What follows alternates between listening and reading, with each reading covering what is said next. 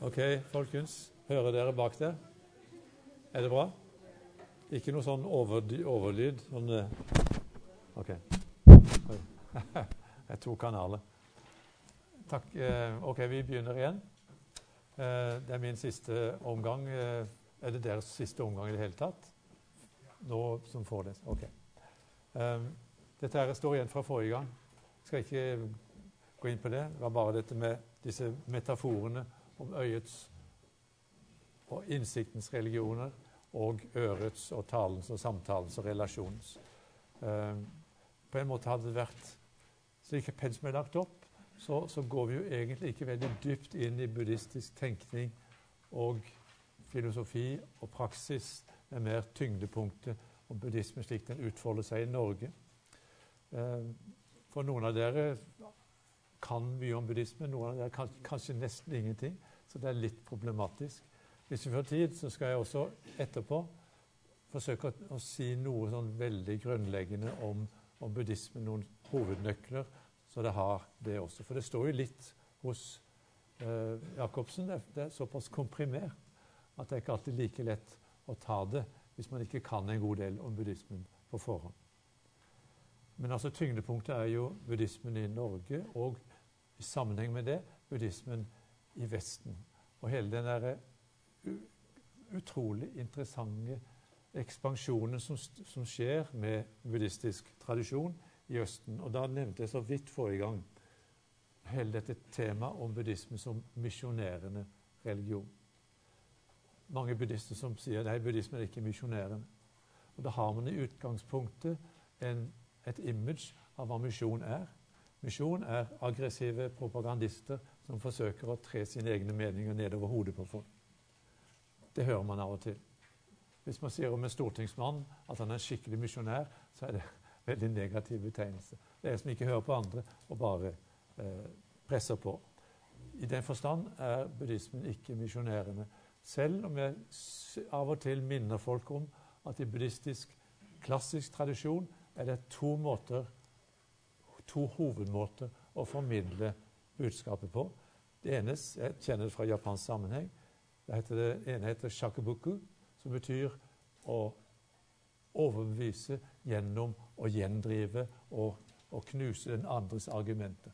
En forholdsvis aggressiv måte å propagandere på. Splitt og hersk, knus den andre, overbevis den andre med argumenter. At det er bare én sannhet som gjelder. Det er en del av buddhistisk tradisjon. Du kan se det f.eks. hvis dere har sett bilder av tibetanske munker som, um, som, har sånn argumentasjon. De skal lære seg å argumentere. Og Det er nesten et sånn rituell hvor de, den unge munken skal stå der og argumentere overfor en eldre munk. Blir svart tilbake, og så skal de komme med disse argumentene. Det er én aspekt av buddhistisk tradisjon. Den andre, som er på en måte hovedtradisjonen i buddhistisk tradisjon, er det motsatte, nemlig å favne. Ikke angripe, men å favne og gi rom for å integrere. Og Buddhismen er jo stort sett preget av denne litt ganske eh, romslige holdningen, hvor man selv innen buddhistisk tradisjon aksepterer nesten hva som helst, men man gir rom for det og tenker at dette kan bearbeides. F.eks. såkalte primitive religionsformer, som buddhismen gir stor plass for. Eh, hinduistiske guddommer har fått rom i hele det buddhistiske, buddhistiske pantheon. Så i Japan f.eks. man går inn i et buddhistisk tempel og finner bilder av de klassiske indiske guddommene, Brahma, eh, Krishna osv. Nei, ikke, ikke så mye Krishna, men de klassiske Vishnu. Ja, du har et spørsmål?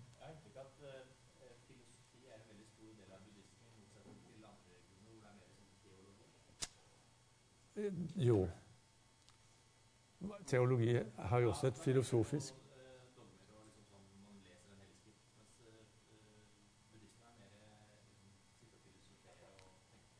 Ja. OK. Filosofi er en helt det er, det er litt forenkling. Alle forenklinger har en, noe sannhet i seg. Eh, buddhismen har veldig stor vekt på filosofisk ettertanke. Samtidig, når vi skal se på skal vi si, buddhismen slik den utfolder seg i ja, øst, østlige kulturer, slik den utfolder seg i innvandrerkultur i Norge, er det veldig lite filosofi. Det er praksis, det er resitering av sutra, det er bønner. Det er gjennom er lite filosofi, for å si det sånn. Eh, men noe av det som appellerer buddhistisk tradisjon i Vesten, er jo dels filosofisk refleksjon og meditasjon. Så på en måte er eh, det er indre fileten, på en måte, kan man si. Samtidig må jeg si at, at hele den kristne tradisjonen er jo gjennom filosofisk. Teologien er ikke bare dogmer som dyttes på, men en kritisk, eh, undrende, stadig refleksjon om dybdene i troen. Så det er ikke så langt fra hverandre. Eh, men eh, ok, hvis du ser på det bildet her, så ser du at buddhismen har ekspandert. Det er ikke en tradisjon som ekspanderer sånn spontant. Den er misjonærende. Og Da skal jeg bare nevne noen få punkter. Jeg tror jeg nevnte forrige gang. Det faktum at Buddha, ifølge tradisjonen, så etter sin oppvåkning så fortsatte han i 50 år å undervise. Sendte ut sine disipler for å undervise, veiledet, lyttet og veiledet folk i buddhistisk tradisjon, både filosofi, meditasjon osv. Det var et budskap som skulle formidles. Og I den buddhistiske tradisjonen er det veldig flott, eller vakre beretninger om nettopp dette, dette aspektet. For fortelles det ifølge tradisjonen at da Buddha hadde sittet gjennom hele natten Etter mange års askese sitter han gjennom natten, blir fristet av Mara, fristeren osv. Og, så og når morgenstjernen lyser i øst, eller vest, jo øst kanskje, så har han sin oppvåkning. Men hans innsikt er så vanskelig tilgjengelig at han tenker at dette kan ikke noe menneske forstå. Så han ønsket på en måte å beholde det for seg selv. Men så fortelles det at en av de himmelske guddommene, jeg tror det var Indra i den indiske tradisjonen, steg ned til ham og bønnfalt ham om at dette måtte han dele med resten av verden. Ikke at dette gode budskap om opplokning, om frigjørelse fra smerten. En legende. Av og til vestlige buddhister syns det er problematisk med disse guddommene og sier en såkalt guddom steg ned. Da glemmer man at, at fortellingene Man må på en måte ta fortellingen for det. Det er Indra eller Brahma som stiger ned og bønnfaller Buddha om å dele sin innsikt. En annen litt tilsvarende beretning er at Buddha våknet opp, og han, følge tradisjonen, kunne, hadde klarsyn, så han kunne se alle verdener, altså hele kosmos. Han kunne se alt det lidende liv i hele kosmos og bli grepet av medfølelse. Fordi alt liv var i smerte. Og så tenker han ok, jeg har nådd selv nådd innsikt. Jeg må, selv, jeg må dele dette med andre. Og så gikk han ut og holdt sin første store tale. Det er legendariske tradisjoner, men poenget er jo veldig tydelig. Dette er en innsikt man må dele. Misjonærene i den forstand at man deler, gir rom for og selv Stort sett da, som jeg nevnte først, gi plass for andre, gi plass for det såkalte primitive, men forventning om at de, de, selv folk som er på det enkleste stadiet, litt etter litt kan ledes mot høyere innsikt. Um, og så vet vi jo at læren etter hvert spredte seg.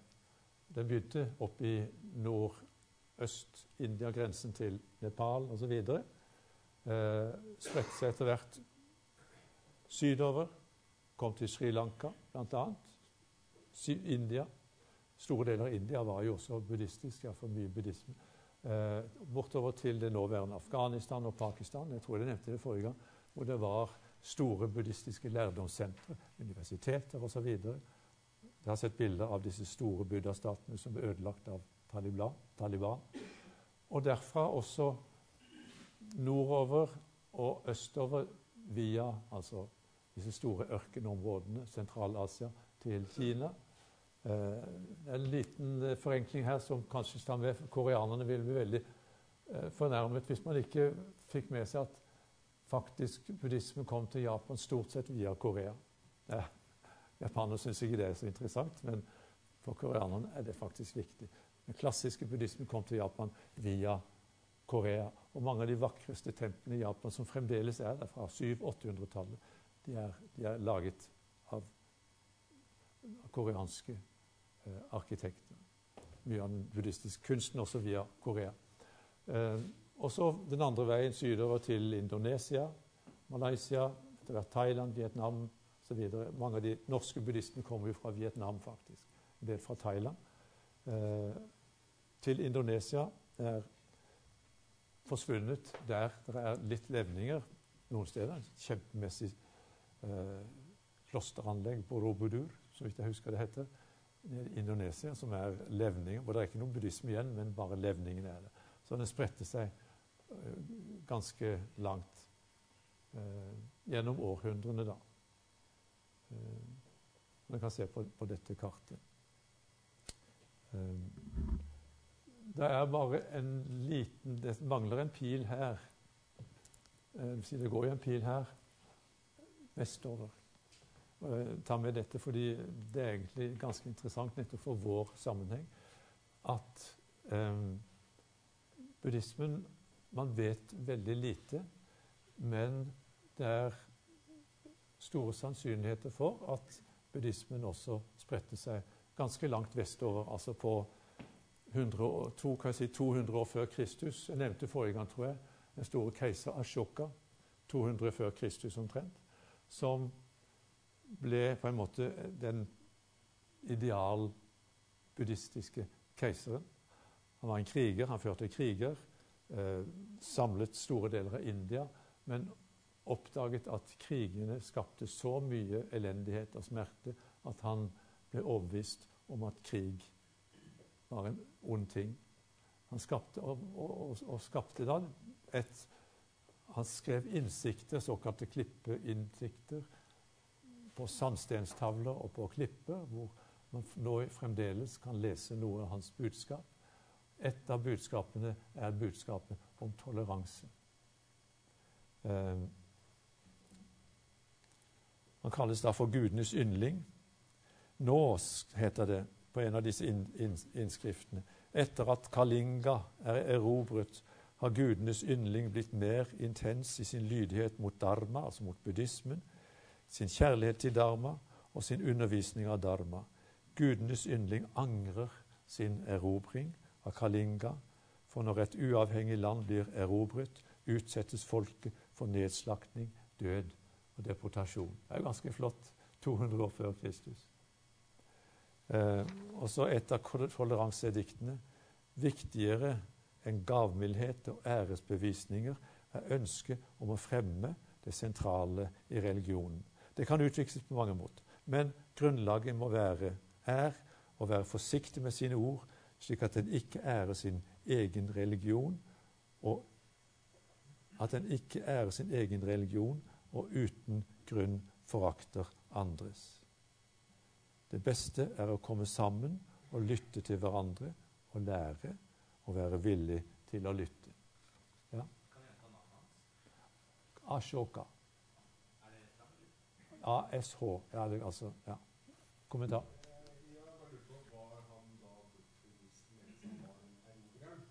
Han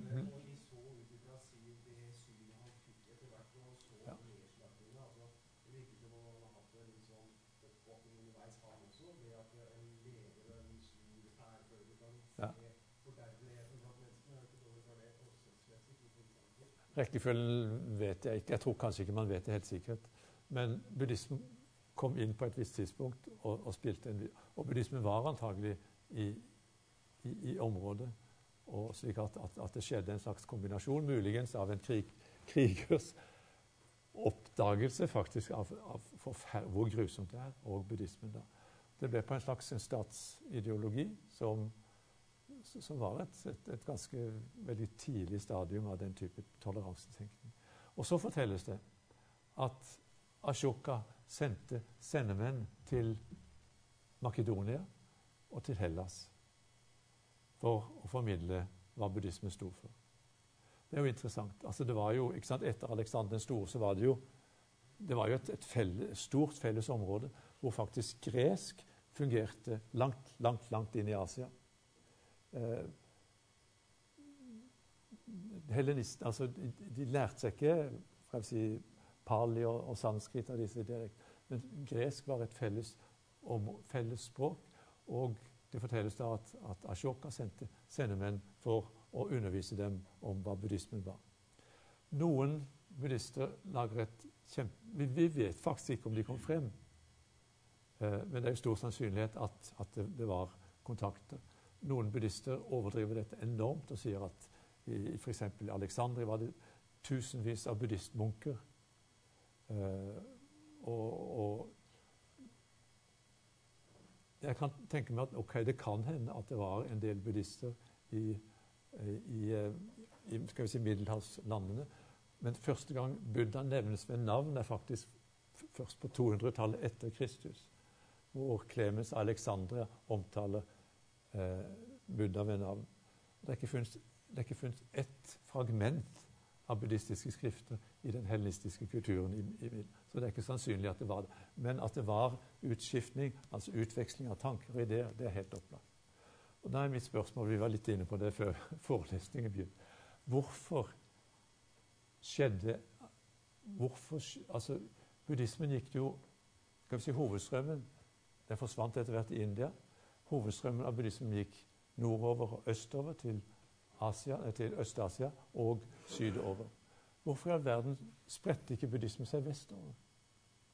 Jeg tenker at egentlig så ville det vært mye lettere for buddhismen å spre seg vestover enn iallfall østover til Kina og Japan, som er så annerledes i sin kultur. Et språk som er så annerledes. Altså kinesisk, f.eks., er et, i strukturen et veldig enkelt språk mye mer metaforisk, mye mer billedmessig.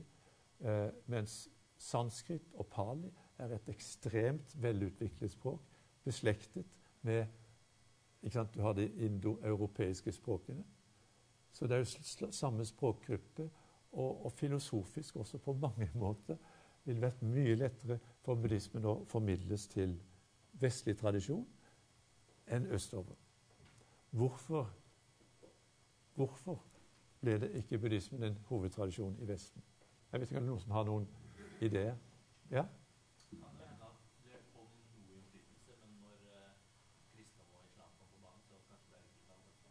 Ok. Um, hørte dere hva han sa? Sa at, at kristendommen, etter hvert islam, ble så sterke at de hadde utryddet USA. Det, det er nok en litt Ja, ok. Buddhismen faktisk Eh, og, og, ble faktisk veldig undertrykket i, eh, i, India under de store mogulene, altså muslimske. Eh, så det er en aspekt der. Ja, du har altså, Jeg velger å ta et litt annet utgangspunkt. Vi snakker jo om en tidsperiode som er før Kristus i realiteten. Ja.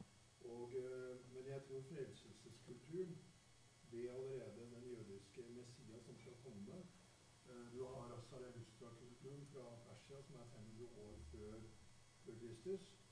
Hele tiden fokuset på det med eh, en frelse som skal endre et verdensbilde, mhm. det tror jeg var et veldig grunnleggende tanke i den neste altså, altså laviantkulturen og den neste kultur. Du finner spor av også den frelseskulturen i, uh, i den sumeriske tenkningen. Så jeg tror på mange måter at man allerede hadde dannet seg et verdensbilde som ikke sammenfalt med med den buddhistiske tradisjonen. Okay. Altså et, et, verdensbilde hvor det er frelsesskikkelser uh, som er litt annerledes enn en buddhistisk tradisjon. Ok, ja. Men jeg, OK, gjerne flere Jeg tenker at altså Jeg nevnte språket som en mulighet. Også en del av den vestlige filosofien var faktisk ikke så veldig langt unna buddhistisk tradisjon. Eh, den kyniske filosofien, hvor Alexander kanskje nevnte dette, hans beundring for, for de indiske gymnosofistene og, og, og, og østlige tradisjonen var bl.a. fordi han gjenkjente i den kyniske tradisjonen En kyniker i, i vår tid er noe helt annet enn den kyniske filosofien, som legger vekt på på en måte å overvinne verdens, gjennomskue verdens forgjengelighet og leve totalt ærlig, vi slipper tingene osv. Der er det ting. Den stoiske filosofien er det jo ting som ligger ganske nærme, nærme buddhister. Tilbaketrekkenheten, den stoiske roen eh, osv. Og, og også hellenis, altså, den platonske tradisjon med sin betraktninger av, av, verdens virkelighet som et slags skinn, som gjenkjennes buddhistisk tradisjon. Så Det er ingen som vet hvorfor, men kan tenke meg at det allerede var filosofiske tradisjoner, slik at buddhismen ikke var nødvendig, men på, som buddhismen på den annen side kunne ha knyttet til og utviklet videre. Og så var det da kristen tradisjon, sterk etter hvert sterke kristne tradisjoner.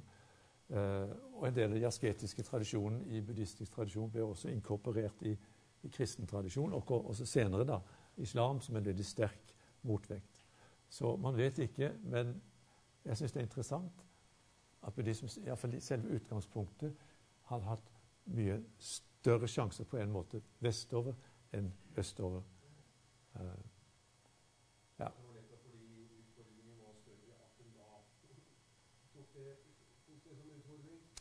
Det er klart det, ikke sant? Her kommer den som noe nytt og fremmed og knytter veldig sterkt opp til da kinesiske tradisjoner, hvor det også var en del gjenkjennelse. Men språklig sett og i, i, i, altså begrepsverdenen var utrolig vanskelig å oversette kinesisk. Eh, så i, mange, flere hundre år brukte man bare transkripsjon av, med kinesiske tegn, hvor det var lydene man transkriberte buddhistiske altså sanskrit, eh, eh, terminologi osv. I det lange, lange løp så fungerer det dårlig. Men det, det skjedde jo en, en, utrolig fascinerende si, mange hundre år i bearbeidelse og tilpasning til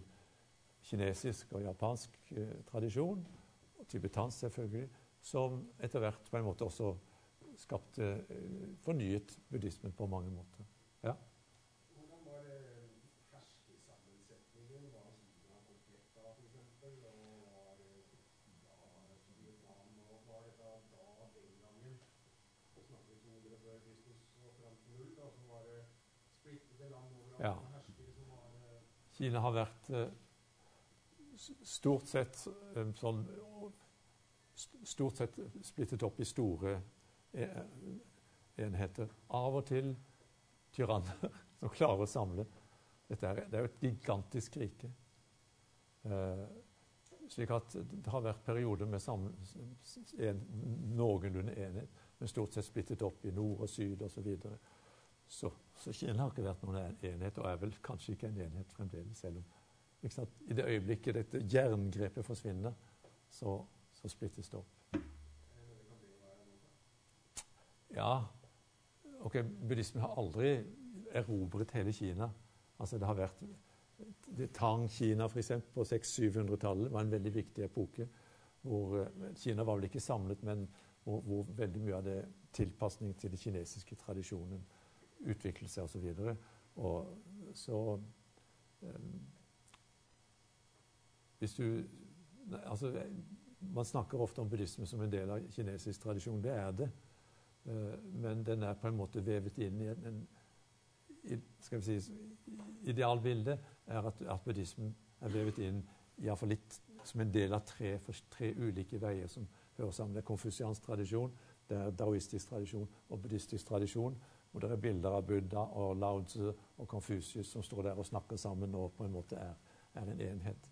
Det er idealbildet på en måte. Så ja.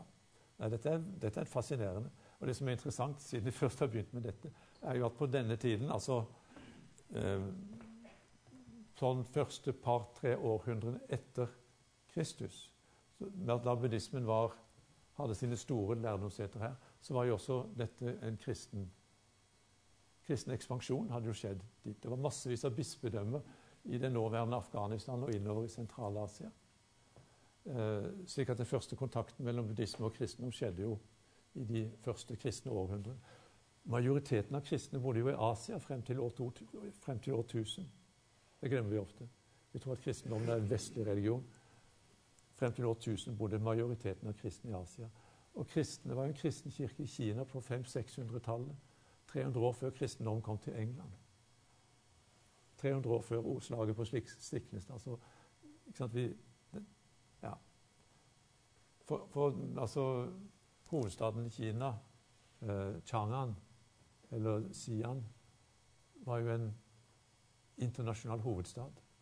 Akkurat som Bagdad eh, eller Konstantinopel var på en måte kultursentrene i vest, så var hovedstaden i Kina kultursenteret i øst. Hvor det var jo tilhengere av alle mulige av verdens skikkelig hva heter det, Cosmo, Cosmopolitan.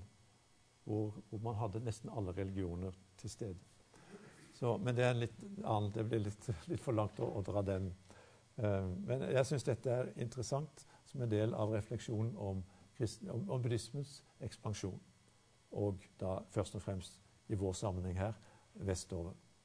Uh, nå er det Ja. Um, her er det bare et, en oversikt. Dette er fra, jeg tror det er bildet fra boka.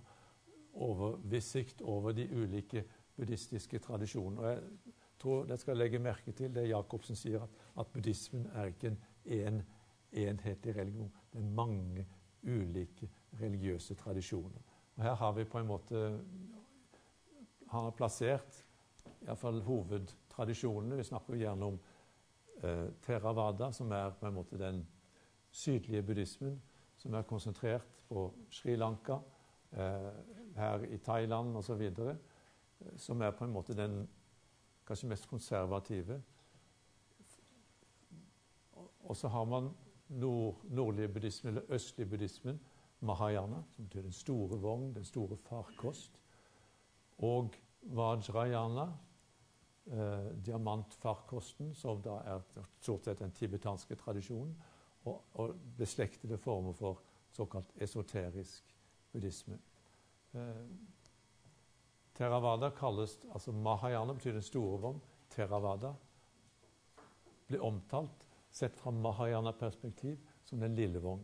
En litt nedsettende betegnelse, for de syns Theravada, altså den, den kinayana, er, den er for ortodoks, den er for munkeorientert. Den er for eksklusiv i sitt syn på menneskehetens frelse. Mahayana er den store vogn som har rom for alle, hvor idealet er at alt liv skal frelses sånn i et uendelig perspektiv, men det er iallfall dette perspektivet. Ok? Nei, det er ikke en retning innen buddhismen. Det er en egen Det er en felles Det er en kjempestor paraply over japanske religiøse tradisjoner. Altså, akkurat som hinduismen er ikke én religion, det er en kjempestor paraply over ulike indiske religiøse tradisjoner med lang historie bakover til Vedaen osv.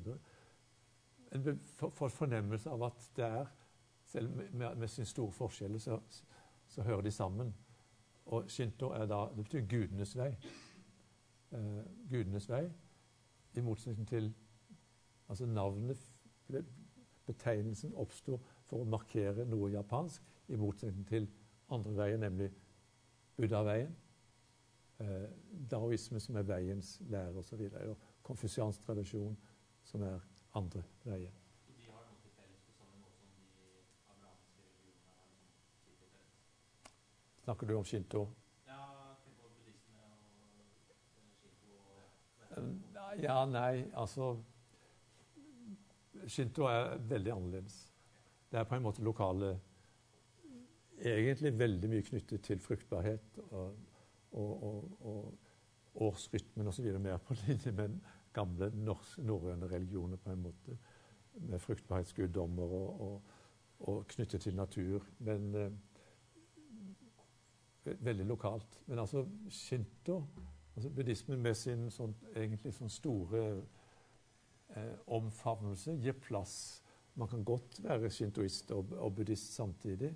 Og, og man har eh, man kan tolke shinto-guddommer akkurat som man tolket indiske guddommer som sånn, kan vi si um, spormanifestasjon av det høyeste. Ja. Så hadde jeg kommet, kommet. Du sa noe om eh, at det var Theravada hvor Spisology, er det det? Ja. Jo, også den andre var historien om Mahayana. Ja. Hva med den eh, tredje, hva kan man si? Hva- Vajra. Ja. Eh, Med den Thera- Theravada, hvordan er det i forhold til Ja. Ok, Theravada er det foretrukne navn på sydbuddhismen, som fra Mahayana-perspektiv av og til omtales som Hinayana, den linnevogn. Ja, eh, Men det er en eh, litt nedvurderende betegnelse. Den er forholdsvis ganske mer ortodoks og, og ser på seg selv som kan vi si, mer i pakt med Buddhas opprinnelige Det er deres selvbilde. Ja, det, det er Theravada. Det er de, på en måte de, de Ja. Holder mer på kanskje de eldste eh, skriftene. Ja. Vi har ikke tid til å gå veldig inn på dette, men bare ha det med i bildet. Vajrayana er jo da den tibetanske tradisjonen, eh, symbolisert eller representert av en Dalai Lama, eh, som jo har en eller Dalai Lama og mange av disse tibetanske eh, lamaene, guruene, som jo har en, mange av dem en unik evne til å tale enkelt om noe veldig vanskelig. Altså, denne tibetanske tradisjonen er den mest utilgjengelige av alle buddhistiske tradisjoner. Eh, fordi det er en Det er en, en tradisjon man innvies ja, Man på en måte går inn i gjennom massevis av rituelle innvielser og veiledning som er veldig krevende, og som det er veldig få som, som makter å gå inn. Samtidig så har altså Dalai Lama denne evnen til å ta det veldig enkelt. ikke sant? Buddhismen det er universal compassion, det er universal love. Det er eh, peace, det er fred, det er forsoning. Eh, og han henter frem på en måte noen grunnelementer i buddhistisk tradisjon og taler sånn at ethvert menneske kan forstå. Og bruker også da vestlige uttrykk, f.eks. universal love.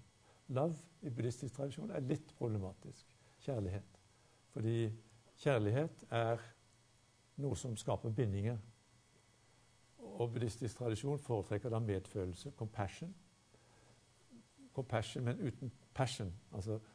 For all lidenskap binder en til enten til det man hater, eller til det man elsker. Så det er litt problematisk.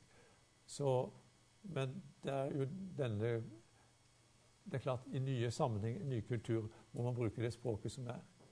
Og et av si, hovedordene i vår tradisjon er vel iallfall fra Bibels tradisjon osv. Det er jo å elske Gud, elske sin neste, altså nestekjærlighet som helt fundamental.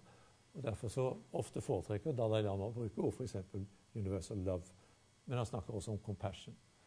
Og snakker veldig dyktig om disse ødeleggende kreftene i mennesket som, som, som forkvakler livet osv. Så, videre. så det er en interessant kombinasjon av en veldig vanskelig tilgjengelig religion og et utrolig dyktig formidling av sentrale elementer. Um, jeg har Jeg tror jeg går litt videre, fordi um, ja, i boka finner dere dette her. Jeg har på en måte beskrevet hvor de forskjellige tradisjonene hører hjemme. Uh, man snakker jo gjerne om disse tre, og jeg har tenkt egentlig burde vi kanskje også legge til en fjerde vogn.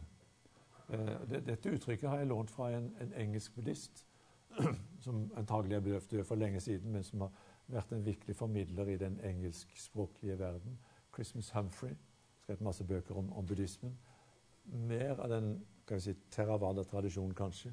Men han snakker om ikke vestlig buddhisme, han kaller det for navayana. Nava betyr det er det samme som novus på gresk. Ny. Den nye vognen. Og han da bruker det som et tegn på den vestlige buddhismen. Buddhismen slik den etter hvert utfolder seg i den vestlige verden. Og begynner vi å nærme oss eh, vår egen eh, samtid. eh, hvor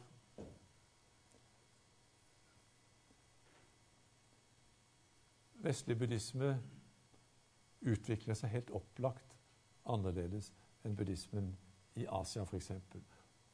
Samtidig som jeg sier det, så må jeg si at buddhismen i Asia har, har tatt preg av de ulike kulturene, slik at buddhismen i Kina og Japan ser ganske nokså annerledes ut enn buddhismen i Sydøst-Asia, f.eks. Ikke bare altså ikonografien, ikke bare de kunstneriske uttrykkene, men også eh, grunnholdninger til verden osv. Så, videre. så det er helt naturlig at en religion får preg av de landene den kommer til.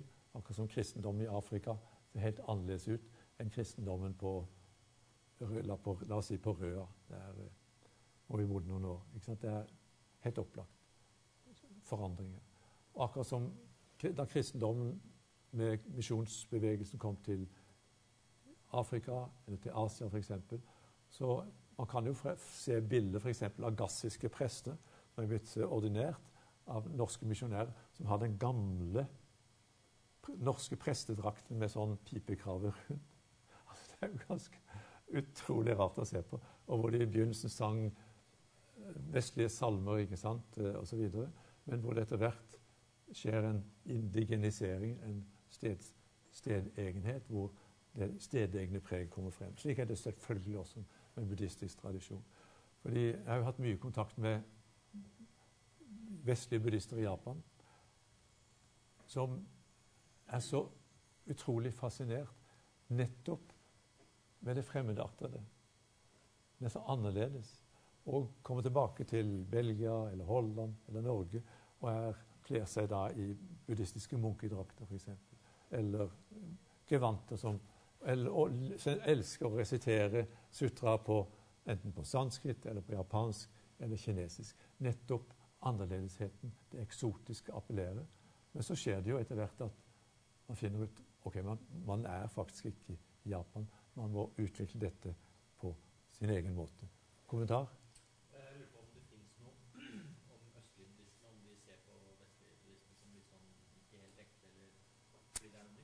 Både òg.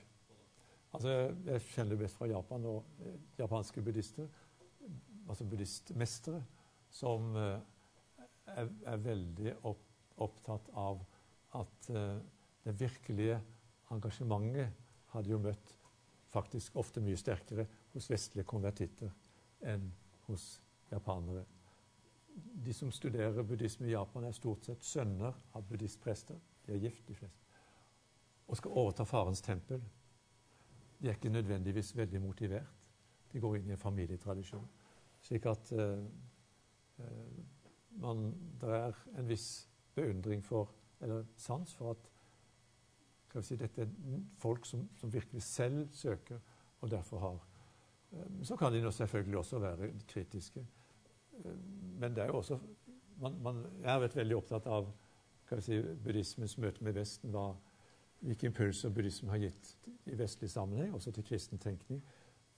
Da glemmer man ofte at kristendommen Vesten har gitt en enorm impuls til buddhismen i Østen. Vi skal sette litt på spissen det som nå heter eh, eh, engasjerte buddhister. Altså den buddhistiske engasjement i politikk, sosialt engasjement, eh, økologi osv. Det hadde ikke skjedd hvis ikke østlig buddhisme hadde møtt Vesten, og ikke minst kristen misjon, med dens enorme sans for sosialarbeid osv kommer vi kanskje tilbake til. Men det er, et, eh, det er et, eh, noe vi av og til glemmer. Eh, hvor var vi? Ja. Ok, Navayana, vestlig buddhisme, er karakterisert For det første, de er mer økumeniske. Det er ikke alle som kjenner ordet økumetikk, kanskje. Økumenisk brukes gjerne om mellomkirkelig samarbeid. Katolikker, lutheranere, metodister osv. Økumenisk å se på helheten og sammenhengen i den kristne tradisjon. Vestlige buddhismer stort sett mye mer økumeniske. Buddhismen i Japan, f.eks. Japan er splittet opp i veldig på en måte atskilte grupper. Det er zen-buddhister, det er renlandsbuddhister, det er tendai, det er forskjellig. De har nesten ikke hatt noe samarbeid. De eksisterer side om side uten noe kontakt. De er ikke interessert i å studere de andre.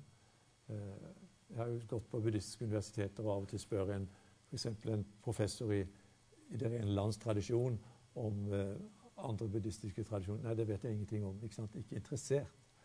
Mens vestlige buddhister kanskje naturlig at de er mye mer økumeniske. De søker, de er opptatt av å finne, tross alt, felles elementer. Og all buddhisme har sånn helt fundamentale fellestrekk som vestlige buddhister helt opplagt ser mye tydeligere enn buddhister i Østen. Eh, ja, en felles kjerne. Og det var kanskje det vi var inne på helt i begynnelsen.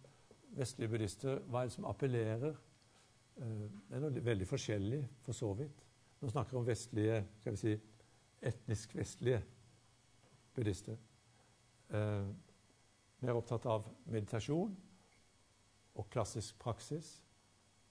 Der burde ha nevnt også filosofi. Veldig mange som er tiltrukket av buddhisme som filosofi. Eh, de er ikke opptatt av buddhisme som skal vi si, rituell praksis osv., som religion, men buddhistisk filosofi og meditasjon. Det er nok det som har trukket mest. I tillegg til fascinasjonen av en del buddhistiske representanter, som f.eks. Dalai Lama, eh, noen zen-mestere og en del tibetanske liksom, som har en karisma. Eh, enten man møtte dem direkte eller gjennom filmer osv. Det er et eller annet der som, som, som, gjør at folk tiltrekkes av og til på et overfladisk plan. Men jeg tror vestlige buddhister stort sett er mer engasjert i selve saken enn mange buddhister i Østen. Og så, som jeg var inne på, det er modernisert på mange måter. Tilpasset vestlige behov. Um, ja.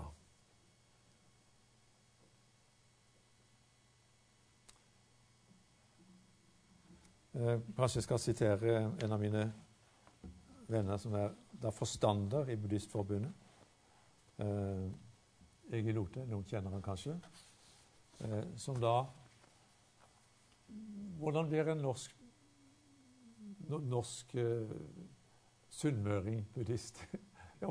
ikke sant? Hva er det som skjer?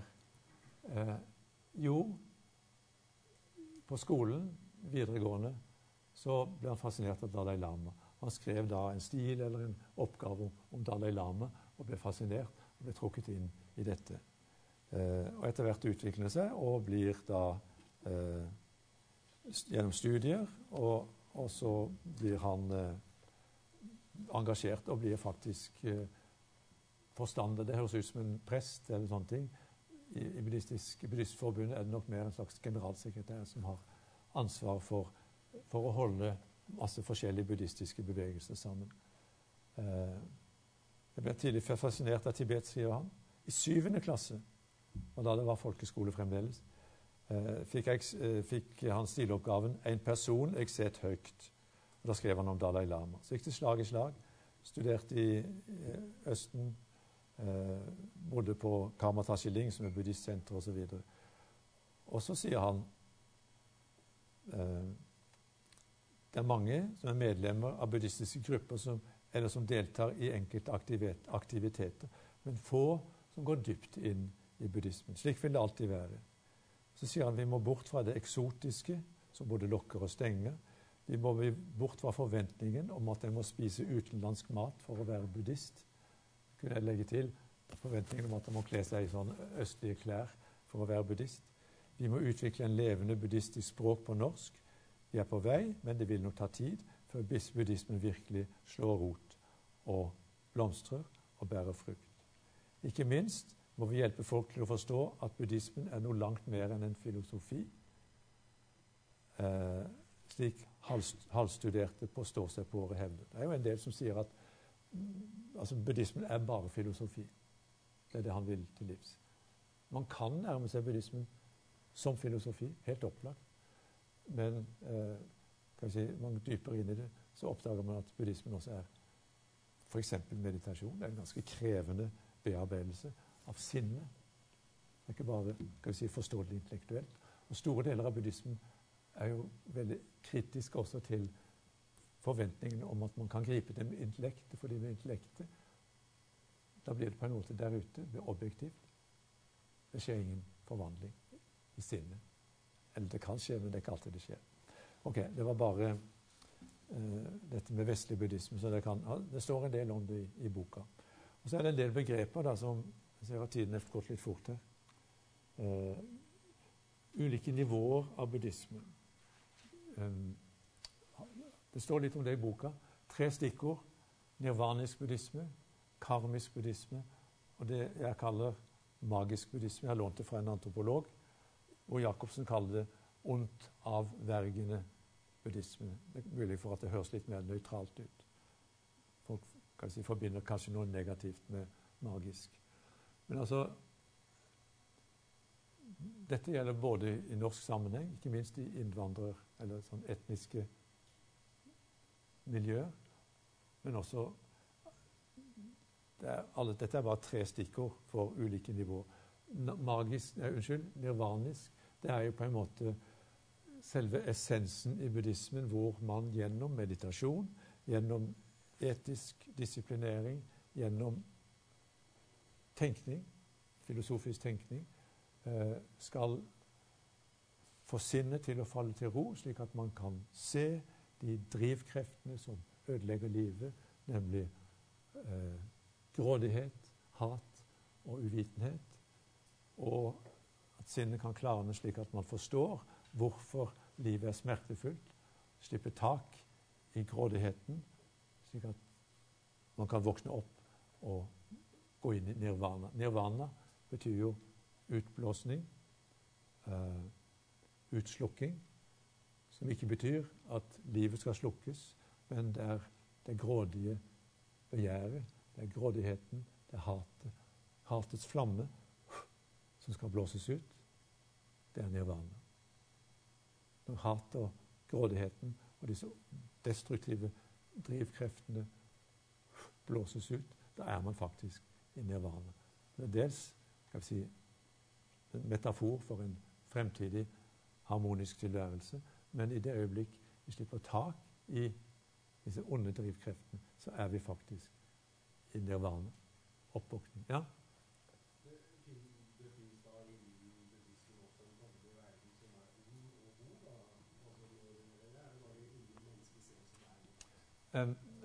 I buddhismen vil man ikke snakke om atskilte verdener. Alt, alt, henger sammen. Alt henger sammen. Men det henger jo sammen hos oss også, stort sett. Alle våre gode ting som alltid har bismak av stort sett. da, ikke sant? Man skal være snill og god og, så videre, og så venter man samtidig. Buddhismen ønsker ikke å skildre ingen, ikke noe som er absolutt godt, ingenting som er absolutt ondt. Alt henger sammen. Nirvana er det når du slipper tak i det som ødelegger. De kaller det ikke ondt. Altså, de, de, de, taler ikke, de, taler ikke, om synd eller ondskap, men de ser jo at det gjør ikke godt. Altså, det, er, det skaper smerte. Eh, så å slippe tak Man slipper ikke tak i tingene fordi de er skal vi si, sånn essensielt onde, men fordi de ødelegger livet.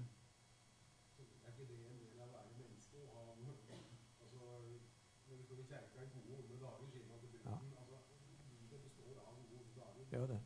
Ja. Ting skjer jo. Det gjør det. Ja.